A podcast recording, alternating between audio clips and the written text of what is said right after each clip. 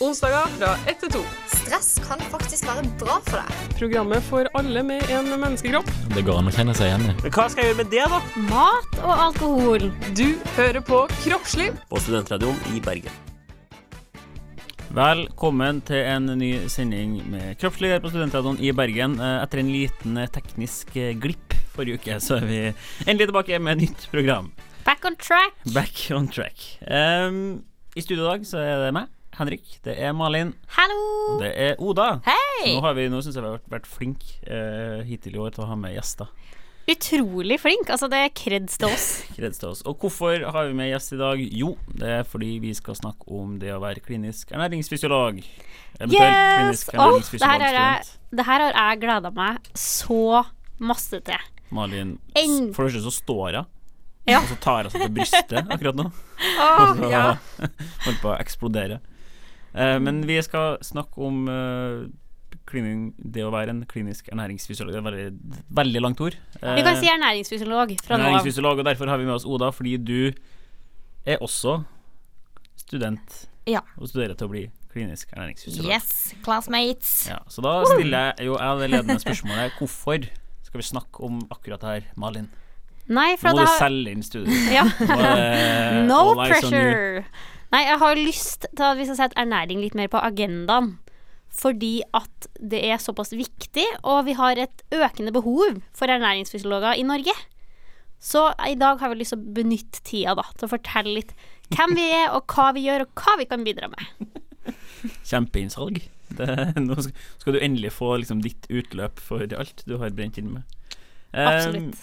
så vi skal annet snakke litt om hva en klinisk ernæringsfysiolog er, hvor de jobber, hva de gjør, hvordan man blir det. Ja. Prøve å dekke så mye som mulig i løpet av en sending. Men før vi fortsetter med det, så har vi som vanlig eh, tre kjappe spørsmål til vår gjest. Ja, Er du klar, da? bring it. Bring it. Nå Nå er jeg sykt klar. er det bra. Det er bra. Og da er, det her tror jeg er et relativt standardspørsmål, vi har stilt flere. Men hva ville du ha studert hvis du ikke skulle studere ernæring? Veldig vanskelig spørsmål. Jeg har tatt en runde med meg faktisk gjennom hele studiet også, hva jeg skulle ha gjort, men jeg kommer ikke fram til noe annet. Men jeg syns Klisjé! Reklame for klinisk Nei da, men jeg syns uh, hele medisinpakka er veldig gøy, da. Ja. Ja. Så jeg kunne nok tenkt meg medisin, ja. Ja, fordi, Føler jeg innenfor, innenfor på riktig ja, fordi det Tannhelse. kommer jo tilbake til, men i hvert fall i, i hvert fall i Bergen, og sikkert ellers også, er dere en del av det medisinske fakultet. Yes. Sammen med medisin og Mm. odontologi og Ja. farmasi. Ja. Mm. I hvert fall. Tannpleiere må vi Ja, huske på. tannpleiere, ja. Ja, ja, alle. Og så neste spørsmål. Eh, en fordel og en ulempe med å studere i Bergen? Jeg vil si at re- du kan ikke si regn som ulempe. den er- da var jeg klar. Jeg tenkte Tenk på det. jeg var helt klar nå. Eh, fordelen er at eh, sentrumskjernen er sykt liten, og at du har eh, byfjellene rundt. Du har full pakke, egentlig. Og ulempene Ikke regn. Jo, brustein. Det ødelegger alt av sko, og slutta å gå med høye hæler på Så hvis du kan leve med brustein, så er det bare å komme. Absolutt. Ja. Anbefales. Ja. Men legg igjen stiletthælene. Ja. Ja, rett og slett. Yes. Så siste spørsmål. Hvis du kunne ha valgt feriested i sommer fritt, hvor som Mm. helst, hvor ville du dratt? Eh, det tror jeg faktisk må være Nord-Norge. Av alt? Ja, Hvor som helst? Og det Ja. Bergen jeg tror det. ja, nei, men, Jeg hadde liksom, fikk liksom metta litt den her utenlands-viben. ja. Snikskryt. ja, ja, ja, i fjor Jeg og sommer. Henrik bare ser på hverandre, vi bare sånn ja.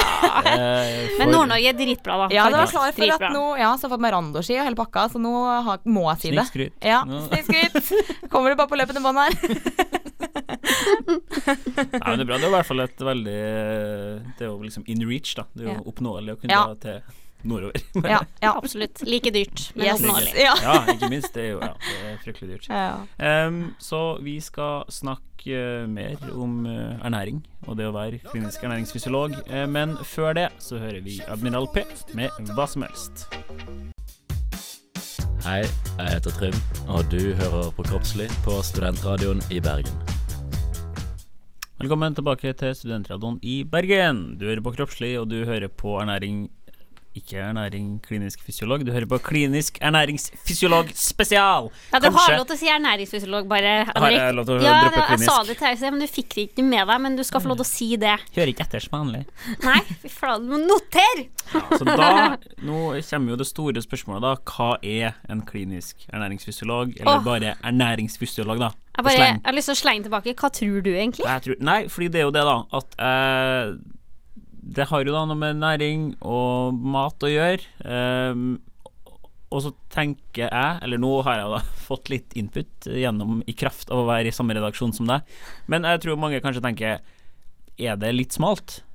Tenker kanskje mange. Sant? For ok, næring og mat, uh, men det er jo Nå tar jeg det som jeg kanskje tippa før, i hvert fall. eh, kostholdsråd. uh, tilrettelagt ernæring for dem som trenger det. Um, Ja, altså, altså det, jeg syns du har vært flink å følge med. takk. Det er bra, Henrik. Men jeg kan jo fylle inn litt, da. Um, En ernæringsfysiolog, det vi på en måte hovedsakelig gjør, er å kostbehandle pasienter. Da gjerne på sykehus, da, de som er syke. Men man kan også eh, drive med forebygging av friske. Sånn frisk, og så kan man forebygge livsstilssykdommer, sant. Så det må ikke bare være på sykehus.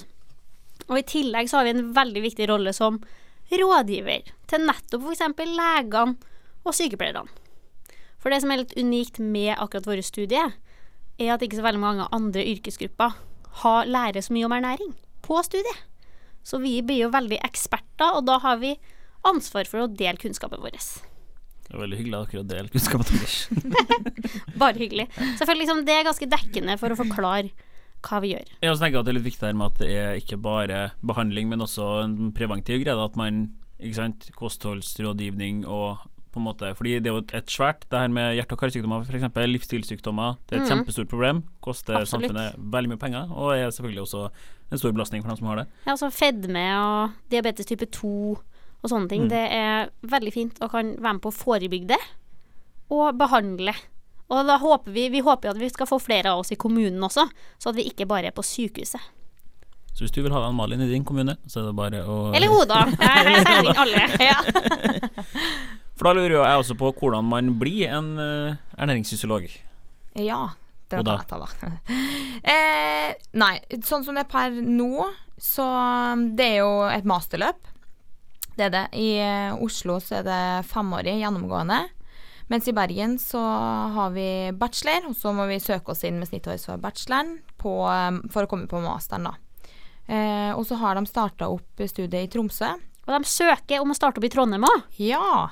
Og det er jo Men helt Trondheim- supert. Ja, og da tenker vi bare at eh, det betyr én ting, og det er at det forhåpentligvis er ja, litt mer rundt oss og Det er mer fokus på oss, Ja. og det er Man ser det er økt behov for Det er ernæringsfysiologer. mer fokus på oss, det er bra. Ja. Får jeg si. Ja, men eh, jeg syns egentlig det er litt viktig å få med, da, at hvorfor vi er viktig Ja. å ha med. Hva tenker du, Oda? Hvorfor er vi viktig? Ernæringsfysiologer. Altså, ja, det er jo litt sånn som vi har snakka om at uh, Altså 30 av pasienter på sykehus er faktisk underernært. Ok, det er sjukt. What? Ja. Det er sjukt. ja. Og da, det, ja. ja. det er viktig å si at det kanskje ikke det er, Du ser ikke på alle pasientene at de er i ernæringsmessig risiko, så det er ikke alle dem Det er ikke skikkelig, skikkelig tynne og avmagra folk vi snakker om. Nei. Det er alle pasienter. Ja, det er ikke African child eh, vi snakker om, på en måte. Og, og det som også er, da Mange tenker jo litt sånn eh, Hvorfor er underernæring på en måte så farlig? Man er jo bare innom sykehuset på ja, kort tid. Men det gir underernæring gir faktisk dårlig respons på behandling. Det, Ja, ja Det det- reduserer jo immunforsvaret ditt mm. og øker infeksjonsfare. Du Ja. kan tape muskelmasse. Eh, og så er det jo potensielt dødelig. Det er litt sjukt å tenke på. Det er veldig alvorlig. Men det er jo litt interessant det der at ikke sant, alle som behandles for et eller annet, har veldig godt av å ha god ernæring. Mm. Så hvis jeg skal, men hvis jeg skal oppsummere da, hva en ernæringsfysiolog er, så er det jo på en måte at det er den utdanninga med best, utdanninga med best og mest kompetanse på ernæringsrelaterte sykdommer, og om ernæring generelt. God, god oppsummering, Malin. Synes jeg absolutt. Eh, og så er det også Kan det være greit å huske på at det her er jo en beskytta tittel. Absolutt. Det kommer vi litt tilbake det vi fullt- Det er overtenning, det er fullt Yes, det er beskytta! og det skal vi snakke mer om, Malin. Så bare ta det helt kulig. Eh, for først skal vi høre Re Det blir eh, sånne featuring-sanger er veldig kult når man ikke må uttale dem sjøl. Vi skal ha Rebmo, Feet Pasha med I Don't Speak French. Hei, jeg heter Natasha, og du hører på Kroppslig på Studentradioen i Bergen. Velkommen tilbake til Kroppslig. Eh, vi skal fortsette å snakke om eh, KEF. Nå har jeg lært meg sånn uh, Forkorta ord. Dere sitter og prater under sangen bare ja, En KEF. og Bare, oh, yeah, klinisk ernæringsfysiolog. Um, Ja, den da- kan vi bruke òg, vet du. Da lurer jeg på hva, hvor jobber en eh, ernæringsfysiolog? Det er faktisk mange plasser. Man tenker kanskje bare sykehus. Altså, Henrik flirer av meg nok nå. med det. Nei, det, er bare, det er alltid veldig hyggelig å se folk som, som, som gløder, og som, Som som brenner for noe. Men du kan jobbe på frisklivssentral, du kan jobbe på rehabiliteringssenter, du kan jobbe med spiseforstyrrelser i psykiatrien, og så kan du jobbe i industrien, du kan jobbe sånn opplysningskontor, vet du, sånn for kjøtt og egg og melk og meieriprodukter og sånne ting. Og så kan du jobbe i Olympiatoppen med idrett. Og man kan være konsulent, man kan ta Man kan ha foredrag. Og så syns jeg det er litt fett å nevne at vår utdanning er den utdanninga der det er flest folk som har doktorgrad. Av alt. Ja, sånn prosentmessig. Oi. Det er Hello. egentlig steinkult. Gralla med det. Ja, er ikke det skikkelig kult? Jo, jo det er Ja. veldig bra.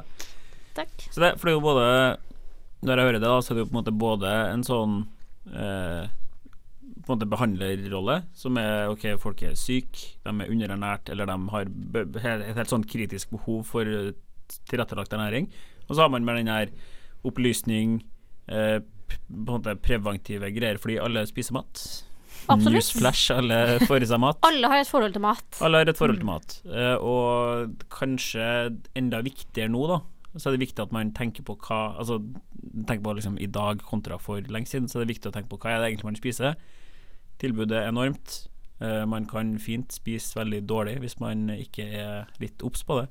Mm, Så det er jo også en viktig Og som Det er derfor det er bra vi har folk i industrien også, som er med å følge med Ja, hva som er i sant? Og, produktene. og som med så, all behandling av helseproblemer, så er jo det beste om de ikke oppstår. Så det Helt beste, klart. letteste behandlinga er jo på en måte å være preventiv og, og sørge for at alle er opplyst. Da, Og dessverre er det minst av det. Det er litt synd. Men eh, det er derfor vi tar det opp nå, vet du. Ja. For folk skal skjønne at det er viktig. Men hvis vi tenker kanskje litt mer på denne behandlingstråden, hvilke, hvilke typer pasienter er det som har fordel av på en måte god ernæringsoppfølging, da, hvis man skal kalle det Ja, vi har, Oda, kjør! ja, vi har tenkt eh, noen få, da. Det er jo blant mange. Men um, premature babyer, for eksempel. Eh, for det første i siste trimesteret av graviditeten at de får bygd opp alle lagrene av vitaminer, fett og alle sånne type ting. Så det vil si at hvis de blir født for tidlig, så har de ikke det. Og da trenger de tilskudd av både vitaminer og mineraler. Um, Og så er det jo kanskje å tenke på at uh, en del av dem trenger faktisk begynnelsen. At du får en tube i nesa uh, fordi at de rett og slett ikke har suge-svelgerefleksen. For den kommer jo også veldig sent. Ah, Så det er en ting å tenke på også. Og så er det jo da ved nyresvikt. Da klarer ikke nyrene å få ut, altså kvitte seg med en del eh, eh, mineraler, blant annet. Eh, sånn som kalium. Eh, og det er jo noe som finnes i mat.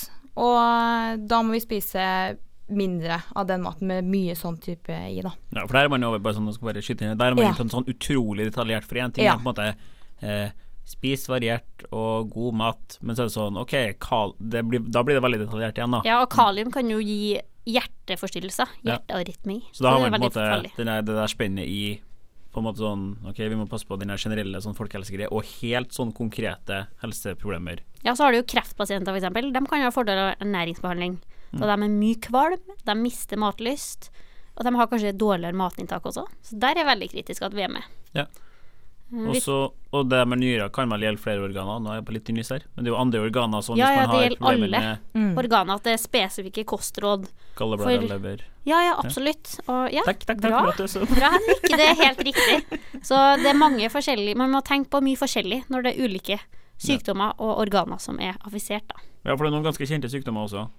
Ja, hvis vi skal ta noe helt ja. konkrete som Ja. har liksom god fordel av liksom ernæring som primærbehandling, Ja. så kan vi Og jo det her er jo på en måte da at mat, liksom hvilken næring du får i deg, er på en måte Det er sånn man ja, coper med sykdommen. da. ja, istedenfor medisin. Ja.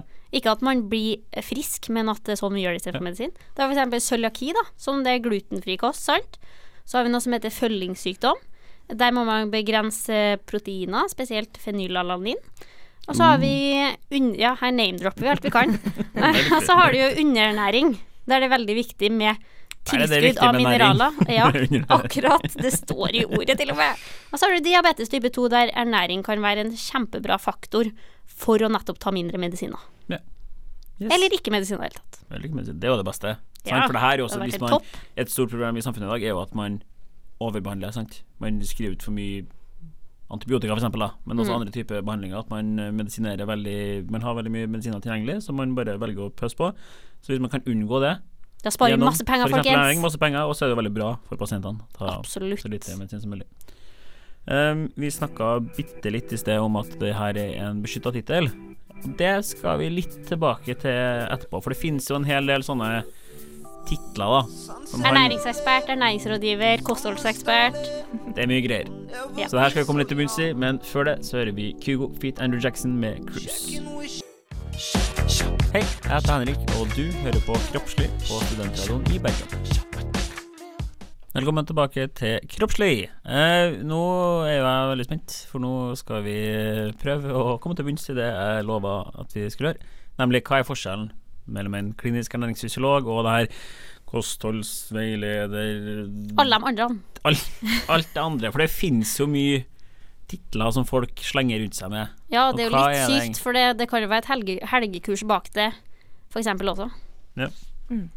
Fordi det som er liksom poenget her, da, at klinisk ernæringsfysiolog, det er en beskytta tittel. Det betyr at ingen som ikke har tatt den masteren, studert Kan få denne tittelen. Ingen kan kalle seg det, på samme måte som med sykepleier, og som ja, veldig mye andre titler. Men noen titler er jo ikke beskytta, så det kan man jo kalle seg som man vil.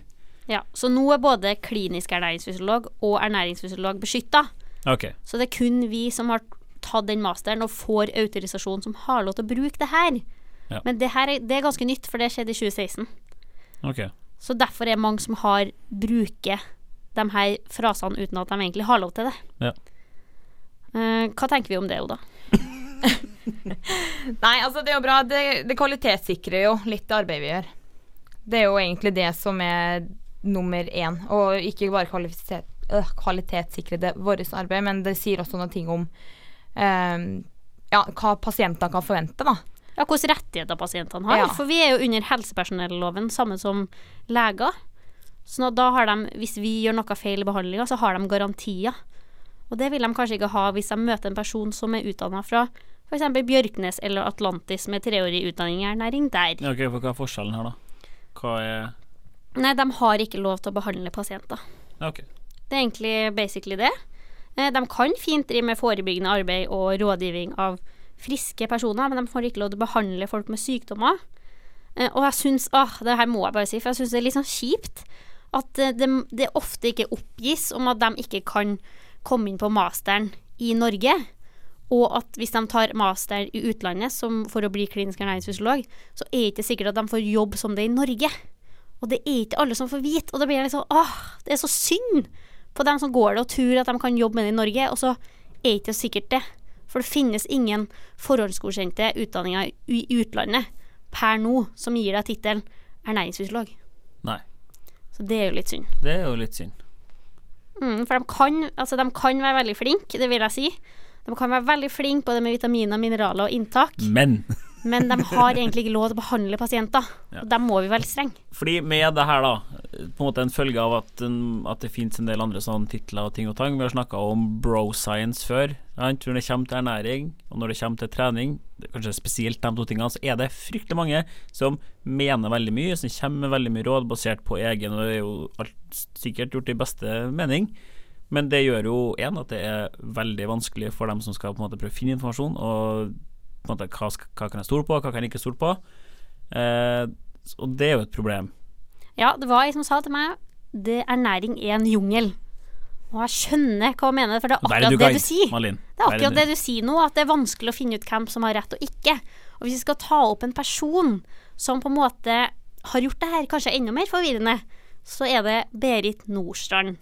Jeg får si litt kort om Nordstrand. jeg kan si litt kort om henne. Hun er lege og har veldig personlige interesser innenfor ernæring. Men hun fronter ernæring på en misvisende måte og mot Helsedirektoratets kostråd. Har du noen eksempler, Oda? Ja, altså um, I bunn og grunn så Ja, så har hun på en måte kan si, rett i mye. Det som er Den største utfordringa med hun er egentlig at hun er lege og bruker den legetittelen. Men eksempler på det er jo blant annet Hun har jo sagt f.eks. at eh, vanlig salt er dårlig, eller er veldig dårlig, og at Himalaya-salt er mye bedre. Eh, fordi det inneholder mer mineraler og ja, fancy greier. Em, det inneholder litt mer mineraler, men i store og det hele så er det ikke det som utgjør hele kosten. Og når man i tillegg anbefaler at man skal spise mindre salt, så er liksom ikke det det, Det hovedkostrådet, for å si det sånn. da. Det er ikke et bedre alternativ egentlig til salt, for det er ikke så veldig stor forskjell på dem. Ja. Mens folk kan misforstå og tenke at da kan jeg bruke mye mer Himalaya-salt, for det er mye bedre enn salt, men så egentlig er det ikke så stor forskjell. Og det samme med sukker og honning også. Der òg drar hun frem på en måte at honning er bra for tarmbakterier, eh, og at det er så mye bedre enn sukker. Men det er det jo egentlig ikke. Nei. Så det kan misforstås, og så syns jeg det er litt synd at hun på en måte bruker det kommersielt og i media, og det er veldig mange som kjenner til henne og har liksom stor trua på det hun gjør. Og så syns jeg hun misbruker det. Hun er en veldig god selger. Ja, og hun også, Man skal jo være kritisk til forskning. Um, Helsedirektoratets kostråd er basert på masse forskning, mens hun på en måte bare velger ut studier som passer det hun mener. Og ikke følger Helsedirektoratets kostråd, og det blir så dumt. Er- ja. Ser fortvilelsen i øynene dine. Hjertesaken vår. Det. Men det er jo en oppfordring da, til folk ikke sant, som skal prøve å finne info. Vær litt sånn obs på Vær kritisk. Vær litt kritisk. Um, og føler jeg vi var litt sånn slemme, da, men det er jo ikke sånn at der gjelder jo alt annet. ikke sant? Folk som trener mye, og som er i god form, og som vil gjerne gi, vil gjerne gi treningstips til andre. Så er det ikke nødvendigvis f.eks. med trening. Fordi det funker for noen, så er det ikke nødvendigvis sånn at det funker for andre. Og bare fordi jeg driver masse med noe, så det er ikke sånn at jeg er ekspert på det. Nei. Så en liten oppfordring er egentlig finne ut hvem behandleren din er, og hvilken bakgrunn de har, og vær kritisk. Vær kritisk. Det får være, eh, får være moral. Eh, vi har litt sånn eh, du, har, du har bedrevet journalist, et lite stykke journalistarbeid, du. Absolutt. Det har du. Så du har samla litt spørsmål, ernæringsspørsmål som vi skal prøve å gi svar på. Men før det skal vi høre Cezinando med 'Vi er perfekt', men verden er ikke det. Heter Malin, og du hører på Kroppslig på Studentradioen i Bergen. Da står husjournalisten vår klar. Malin har eh, Kan ikke du fortelle litt om fremgangsmåten din? Jo, jeg Hva har du gjort nå? ja, jeg hadde tenkt sånn Ok, det hadde jo kanskje vært interessant om vi kunne svart på noen spørsmål. Det er bare hvordan kan jeg på kortest mulig tid få inn spørsmål? Så da slengte jeg ut en liten Facebook-post, som jeg rarely do. Så jeg var litt sånn litt angsta litt på det. Men så tenkte jeg det er jo ikke så farlig. Da ser jeg hvordan responsen jeg det får. Og da har jeg fått noen uh, svar, både på personlig melding og under. Hei, hei, hei. Posten. Ja, veldig spennende. Så nå tenkte vi vi skulle besvare noen av dem. Hvis du vil komme i kontakt med Malin, da, så er det ernæringsspørsmål på, på Ja, da- personlig melding som It's gjelder. on, liksom. Ja. Nei, men kan ikke du bare si litt om eh, hvilke spørsmål du fikk inn? Og Jo, jeg kan jo på en måte Jeg kan jo stille spørsmålet til Oda, da. Ja, Eh, Kjempe, kjempeløsning. Ja, bra løsning. Kjør. Eh, Oda, hva er det sunneste sukkeret? Ja, vi eh, må gjøre litt dypdykk, vi òg. Vi er jo underveis i studiet, så vi kan ikke alt på stående fot. Men eh, det som er clouet, er at eh, ja, i forhold til brunt og hvitt sukker, da, så er det egentlig ikke så stor forskjell. Eh, og så har du jo kunstige søtstoffer, og da har du noen, noen som er intense, og så er det noen som er sukkeralkoholer. Intense er sånn f.eks. aspartam i Pepsi Max. Mm. Eh, og så har du de her sukkeralkoholene som er i pastiller, f.eks. Um, For det er kanskje verdt å nevne at noen spurte spesifikt om kunstige søtstoffer er bra for oss òg, da. Ja. Eller er farlig. Ikke sant. Og det som er, da, er at sukkeralkoholene de gir mindre energi enn eh, det sukker gjør. Men um, eh, Ja, så det på en måte gir litt energi, men det er fortsatt bedre enn sukker. Eh, og Så hva er konklusjonen, da? Eh, sukker versus kunstig søtstoffer, hva velger vi da? da er det kunstig søtning, altså. Der er, ja, der er vel alle egentlig enige, kan vi si. Ja, og så fikk Ja. vi jo et spørsmål på om det er noen bevis på at kunstige søtningsmidler kan være helsefarlig. Det kan vi jo ta som en sånn oppfølgingsspørsmål her nå, da. Ja, gjerne. Eh, skal jeg svare på den, eller? Eh, ja, du kan bare kjøre på. Malin, er det bevist at eh, ja, ja, og så da sjekka jeg ut litt, og det her er veldig interessant. Om du da er en person som veier 70 kilo, så kan du faktisk drikke 5,6 liter lettbrus med søtstoffet aspartam uten at det har helseskadelige effekter. Altså, du kan altså drikke det hver eneste dag i livet ditt. Og så, i Fuck tillegg yeah. og i tillegg, det her blir morsomt, skjønner du. Så i tillegg så legger man på en sånn sikkerhetsfaktor på 100. Det vil si at du kan gange det med 100. Og det er fortsatt ikke helseskadelig. Du kan drikke 560 liter. Det er jo helt Det er jo ikke, det er jo ikke Sjukt. kroppslig standpunkt at vi anbefaler 560 liter Nei, lettbrus. og vi anbefaler jo ikke dritmye lettbrus heller, men det er ikke helsefarlig. Det var på en måte det jeg skulle frem til. 5,6 liter, ass. Jøss. Sjukt. Eh, det neste spørsmålet vi fikk inn eh, Her fortsatt på sukker. Det var veldig mye spørsmål om sukker. Er det. Eh, det var hvor mye suk sukker bør man få i seg Sukker. på en Sukker Bør man få i seg på en dag? Eh, og da var det sånn bør og bør, men ja. Eh, Oda? Ja, det er sånn traurig svar på det, at sånn under 10% av energiinntaket bør være sukker. Men litt sånn eh, for å omsette til litt mer sånn språk for normalfolk, skal jeg til å si. Så okay, Ok, vi kan ikke så, når, Det er normale folk som ikke studerer Ja. Det er ikke sånn at alle som ikke studerer, studerer ernæring, ikke er normal. Nei, altså det er bare vi som kanskje er mer unormale, tenker jeg. Ja, det var sånn vi Eh, mente. Ja. Men ja, det eh, Ja. For en normal person så tilsvarer sukkermengden i ca. 100 gram melkesjokolade. Det er sånn omtrentlig det ja, maktinntaket man anbefaler, egentlig. Ja, eller en halvliter med brus med sukker. Med sukker, Mm. så er det innafor den 10 Så det, da har man jo noe å holde seg på, da. Eh, og så er det hva er de vanlige ernæringsmessige manglene blant Norges befolkning, Oda? Ja, der eh, tok vi bare litt sånn eh, kort oppsummering. Da kom vi frem til vitamin D. Jod. Det er egentlig litt sånn eh, news. Det var man ikke helt klar over før ganske noe nylig. Men det er issue. Ja. Stort problem. Mm, og jern. Og så er det da B12 hos spesielt eldre, også de som er veganere. Eh, og så fikk vi et litt eh, morsomt spørsmål. da Hvordan vet du at du får i deg det man trenger? K- Kan jeg bare skyte inn en ting på det her med jern? Mm. For der Ja, er det veldig absolutt. mange som er sånn ah, slapp jern med en gang. Eh, og det er ikke helt bra.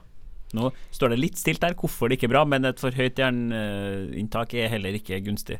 Nei, så du bør jo liksom sjekke med en blodprøve, da. Ja, for det er veldig mange som på en måte Å, jeg slapp, da kjører vi på med jern. Og så Eh, det som er er dumt- sånn ukritisk. Ja, og det som er dumt med at det er jerntilskudd òg, da, det kan bli veldig forstoppa av det. Så jeg ville Ja. ikke bare stappa det i meg. Fordi, det som er, Eh, litt mer hensyn her, altså. fordi så vidt jeg vet, da, så har ikke kroppen noen god måte å skille ut Hvis man får i seg altfor mye, har ikke kroppen noen god måte å skille ut jern på. Mm. Så det hopes opp. Ja, det Yes. Nå tror jeg det må bli et siste spørsmål. Ja, hvordan får du i deg det du trenger? Hvordan vet du at du får i deg det du trenger? Ja, jeg spør dere. Ja, vi tenkte i hvert fall eh, Hvordan skal vi tenke det enkelt, egentlig? Kanskje vi skal tenke på Helsedirektoratet sine kostråd, da. Ja. At uh, en, det er en god pekepinn. Ja. Og Da er det fem om dagen. ja. Tre melkeprodukt per dag. Eh, det er balanse mellom energi inn og ut. Grove kornprodukter. Og fisk to til tre ganger i uka. Og så kan vi jo nevne, det var noen som spurte om hva egentlig fem om dagen er. Det er 500 gram frukt og grønnsaker. Helst da 200 gram fra frukt og 300 gram fra grønnsaker. Men du kan selvfølgelig spise mer. Spis mer. Ja. Det er bare bra. Men ja. det er liksom fordelinga, da. For å ta det igjen. Både for barn og voksne. Kjapp oppsummering for et sunt liv der, altså. Det syns jeg er godt gjort på noen få sekunder. Eh, vi skal ha vår faste spalte, helsespalten, etterpå. Den er det jeg som har tatt, så den er det ingen Spennende. andre som vet hva er. Eh, straks tilbake med det. Før det så hører vi, hører vi Mats Wawa med 'Easy On The Eye'. Hva er sunnest? Hva er best? Jeg har Hva er er ja. spise? Kjøtt, kjøtt, kjøtt. Helsespalten! Helt i hjemmelaga jingle der, altså, som vanlig. Vi er tilbake med Kroppslivs helsespalte. Sånn, da er det gjort. Og i dag er det jeg som har fått den, og hva går egentlig helsespalten ut på, Malin? Det er et eh, dilemma som eh, vi får uten at vi vet hva Nå er det Henrik som har forberedt. Vi vet ikke hva han har forberedt. Han gir oss et spørsmål, wow, og det er gjerne et dilemma. Og så skal vi svare på det etter beste evne. Og så får vi se hvem som vinner. Har rett eh, på det. Det blir det godt, godt oppsummert. Ok, så jeg gjorde mitt beste da for å prøve å finne et eller annet som var relevant for ernæring, og det, det gjorde jeg.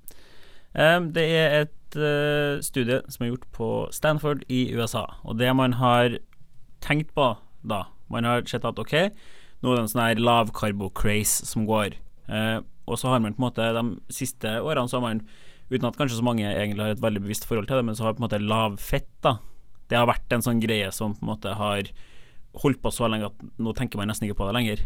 Men hvis man ser, ser liksom på veldig mange produkter, så er det liksom lett? Man fokuserer på at fett er dårlig. Så det man har For det man har liksom lurt litt på, da, hva er det som er best for eh, vektreduksjon? Er det en lavkarbodiett, eller er det en eh, diett der det er lite fett?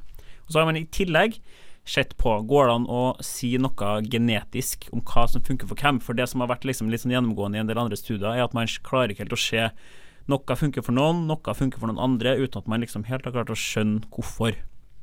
Så det har man prøvd å gjøre. Man har samla drøyt 600 stykker som er med på denne studien. Veldig varierende alder. Eh, så har halvparten gått på en lavkarbodiett, og så har halvparten gått på en lavfettdiett.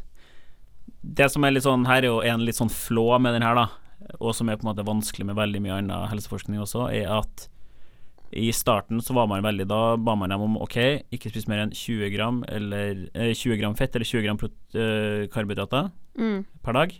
Men etter det så har man på en måte For det her gikk over et år, så da har folk liksom Det har sklidd litt ut, ikke sant. Men alle har da redusert karbohydrat eller fettinntaket ganske mye.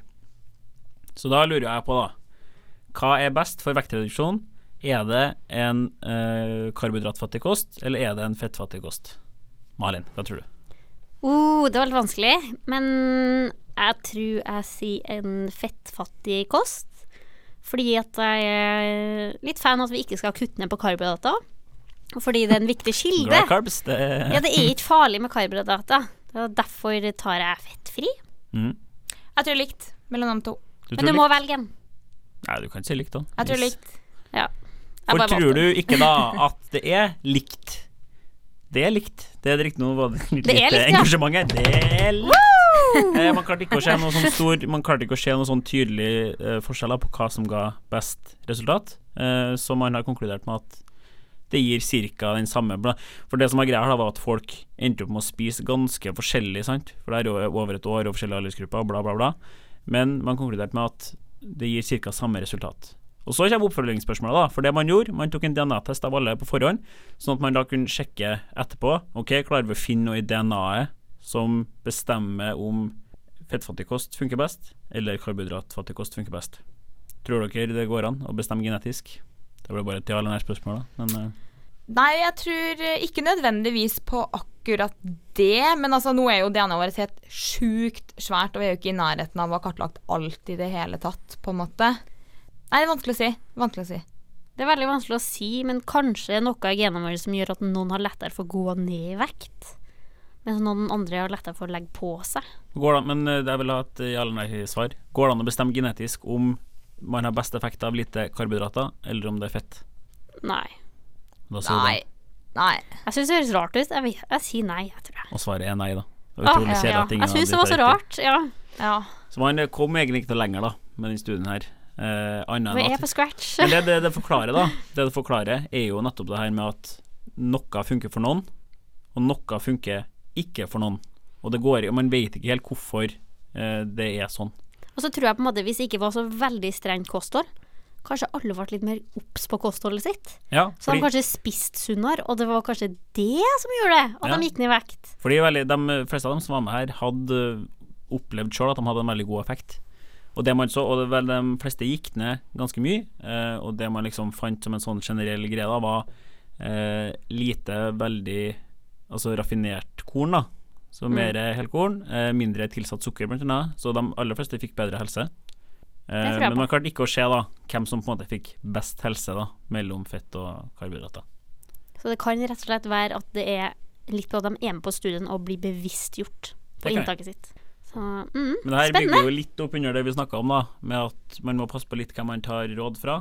Fordi selv om det er ment i, altså, gjort i beste vilje, så betyr ikke at bare fordi en diett funker for deg, f.eks. Malin, at den funker for meg. Når Nei. vi snakker om vekten i dag. Godt poeng. Var ikke det spennende? Ja, vi tenkte egentlig ganske likt, altså så ble det ikke så motsetninger i men, studio, men det var kanskje eh, bra, da. At vi tenkte oss litt. Det er alt jeg ber om, at vi tenker likt. Vi skal Sendinga begynner dessverre å nærme seg slutten, eh, men vi skal ha en liten oppsummering. Eh, Men før det så hører vi Montero med 'Running Race'. Hei, jeg heter Unni, og du hører på Kroppslig på Studentradioen i Bergen. Velkommen tilbake til Kroppsliv på Studentradioen i Bergen. Ikke bare har vi ny eh, intro, vi har også nye bumpers. Det, Det er så kult! Nå skjer det mye greier. Vi er gira, ja. Men, Og så har vi ja, gjest du, da. i dag òg. jo- Så har vi gjest i dag òg. Herregud, vi er gode for Får det veie opp for at det ikke var noen sending forrige uke. Det, Ja, det, vi slår hardt tilbake her nå. For alle som hørte på, på kritikken vi onsdag. har fått. Det, Vi har så mange faste lyttere av at uh, vi burde jo sendt til Oslo. Nå er det nå, Ja, nå gjør er det vi, på gang. Nå breaker shit. vi. Nå breaker Kroppslig. Ja, Det blir stort. Drit i studiene, Malin. Vi bare gjør det Det, her. det virker ikke som at jeg skal drite i vet Så hva? Hvis det er én ting jeg har lært i dag, så tror jeg ikke det blir aktuelt å slutte på det her. Nei, det er virkelig drømmeyrket. Så glad for at jeg funnet ut det. Det er positivt på fjerde året. Så vi Det er jo å begynne med Fjoff, da! Det var digg. For Ja. du går, du går fjerdeåret, så du skriver da master neste år. Absolutt, det er sant. Det I vi gjøre. aller høyeste grad skriver. Ja, et helt år. Og du har uh, Oda vet du går i klassen min, Akkurat så samme. vi Det er akkurat samme. Ja. helt stein lik der. Da er dere jo Vi har to nesten voksne da, i studio. Off, Det er jo ganske ikke si det, da. Nei, jeg forstår første så Det jeg er føler vi ikke, at vi er, men det ja, ja, vi er ikke voksne, det, men bare master. Det, Ja, ansatt oss, please. Ja. ja, men nå har vi jo snakka litt om ernæring i dag. Da. Har du lært noe, Henrik? Jeg har lært uh, Nå har jeg kjent deg en stund, da. Så jeg, jeg får jo sånne drypp innimellom. Med, men jeg tror Det jo det er viktig at folk er litt sånn um, bevisst på hva det er, da. For det, jeg tror kanskje mange blir litt sånn Å ja, er det, er det nok arbeid til alle de her eh, ernæringsfysiologene, da? Men det har jo vi da bevist i dag at det absolutt er. Ja, alle blir jo så sjokkert når jeg sier at utdanninga er fem år. Har du opplevd det, Oda? Ja, det er mange som bare Hæ, fem år? Hvordan hvordan fyller det, liksom? Herregud, dere lærer jo å lage mat sånn på studiet dere, da. Og Ja. så bare ernæring handler ikke bare om mat. Og vi går ikke kokkelinja, folkens. altså, for å si det sånn, her på bursdagen min skulle jeg lage brownies. Altså Toro-pakke, snakker vi. Og den var seriøs og steinhard, den. At eh, det med matlaging, det kan jeg skrive på der står jo næringsinnholdet bak, da, så det er jo Ja, lettvint for heldigvis. Eh. Nei, så jeg føler det er litt viktig å få fram da, at uh, ernæring Altså, vi har også pasientene i fokus på ernæringsstudiet. Og det handler ikke bare om mat. Det gjør ikke det. Det er veldig mye Vi lærer jo veldig masse om kroppen, da. Hvordan den fungerer, og hva vi trenger, og hva man trenger ved forskjellige sykdomstilstander. Akkurat som man gjør på Ja, medisin. for dere har jo veldig mange av de samme fagene som På ja, og så er jo kravene for å komme inn er jo det samme som på medisin og tannlege, og det er et høyt snitt. Ja. Så det er ikke bare bare, folkens. Ja, for jeg vet ikke, jeg regner med at dere får en del spørsmål. da Hvis dere har, Nå skal dere få litt, bitte litt tid på tampen her. Hvis det er liksom noe dere skulle ønske folk visste om ernæringsfysiologer, som de ikke vet, som dere blir spurt mye om, bla, bla, bla. At vi kunne, jeg syns vi kunne blitt brukt enda mer i kommunene for nettopp forebygging. For jeg føler vi kommer for sent inn i bildet, sånn som jeg har opplevd når jeg har vært på sykehuset. Vi kommer inn i bildet når det har gått så langt, og jeg syns man er altfor dårlig til å henvise til ernæringsfysiolog. Ja. Eh, og legene og sånn, mange vet ikke hvem vi er eller hva vi kan bidra med, og det syns jeg er så synd. Ja, det, nettopp, det var akkurat det Malin sa nå. Jeg tror eh, største utfordringa vår er at eh, folk ikke vet hvem vi er, hvilken kompetanse vi har, hva de kan bruke oss til. Og det er jo det som er litt av på en måte saken vår som vi brenner for, det er å få det mer ut nettopp sånn at folk skal ja. som, Forstå viktigheten av arbeidet vårt. Ja. fordi som vi har om, da, så er det jo fryktelig, en fryktelig stor pasientgruppe, og ikke nødvendigvis bare pasientgruppe, som kan ha behov for ernærings... Både behandling og veiledning. Man kan jo, altså det er jo Man driver jo, jobber jo med toppidrettsutøvere også, for å optimalisere deres ernæring, for at de skal prestere best mulig på Olympiatoppen. Snart er du i Pyeongchang, du. Ja, for det skal Oi, oi, oi. Ja, vi, det blir senere, da. Det blir ikke Pyeongchang eh, senere, vet du. Det blir jo nesten en Det var vitsen, Malin. Ja, men jeg skjønner greia. Kult Men at eh, du skulle Ja, bare sånn et eh, kjapt Du snakka om forebyggende arbeid, for det er litt av problemet med forebyggende arbeid at man ikke ser effekten der og da. Så det er Det gjelder ikke bare for ernæring, men andre typer forebyggende innsatser man legger, da, så er det veldig vanskelig å skulle forsvare det, f.eks. For overfor et budsjett, fordi eh, ja, vi, vi håper å kunne se en effekt da om 20 år, og det er veldig vanskelig å på en måte Legge inn penger og- der. skulle eh, sammenligne det da mot et sånt akuttiltak. Absolutt. Som, men, det, det, Det er jo det som er litt hovedproblemet. Det er bra du sa. ja, men all forskning viser jo at et sånt tidlig tiltak, da, et eh, såkalt oppstrømstiltak eh, mot alle, alle typer helse, sant, og på en måte ta tak i ting før det blir et problem, at det er desidert mest effektivt, og ikke minst mest kostnadseffektivt. Problemet er jo at, at det er på en måte en innsats man gjør før problemet oppstår. Mm, og tenk, Hvis du hadde en, eh, klinisk, en KEF da, i kommunen, så kunne man, så kunne man ha Man kunne ha foredrag da for, på eldresenter om ernæring for eldre. Man kunne snakka på ungdomsskoler. Man kunne, Ja, ikke minst man kunne vært mye mer, bidratt mye mer i samfunnet, så alle ser hvem vi er og bruker oss. Sånn at vi kan begynne å bli henvendt Liksom få henvendelser fra legekontor også. Ja, ikke bare på sykehus. Det føler jeg er viktig å Det få får frem. være Det, ja, dagens ja. moral. Bruk oss. Bruk oss! for det vi er verdt. Ansett oss. Vi er verdt det. Eh, du kan også bruke kroppslig, det er en fin overgang. Lik oss på Facebook. Eh, Podkastene våre fins på iTunes eller der du hører din podkast. Jeg vet ikke, det fins en del andre sånne program. Ja. Lik oss på Instagram. Les nettsakene vi legger ut. Nå Nå kommer det en nettsak om kliniske ernæringsfysiologer, folkens. Den skal jeg skrive. Følg med. Det tror jeg blir kjempe Nei, jeg skal skrive Ja. en. Du får ikke skrive en. Lol. Takk for oss. Takk for oss. Takk Ha for bra. Takk for deg. Og Takk tusen takk Oda. til Oda, ikke minst, som har vært på besøk hos i dag. Supert. Eh, ja, vi takker for oss. Vi hører Carmen Villen med Red Desert.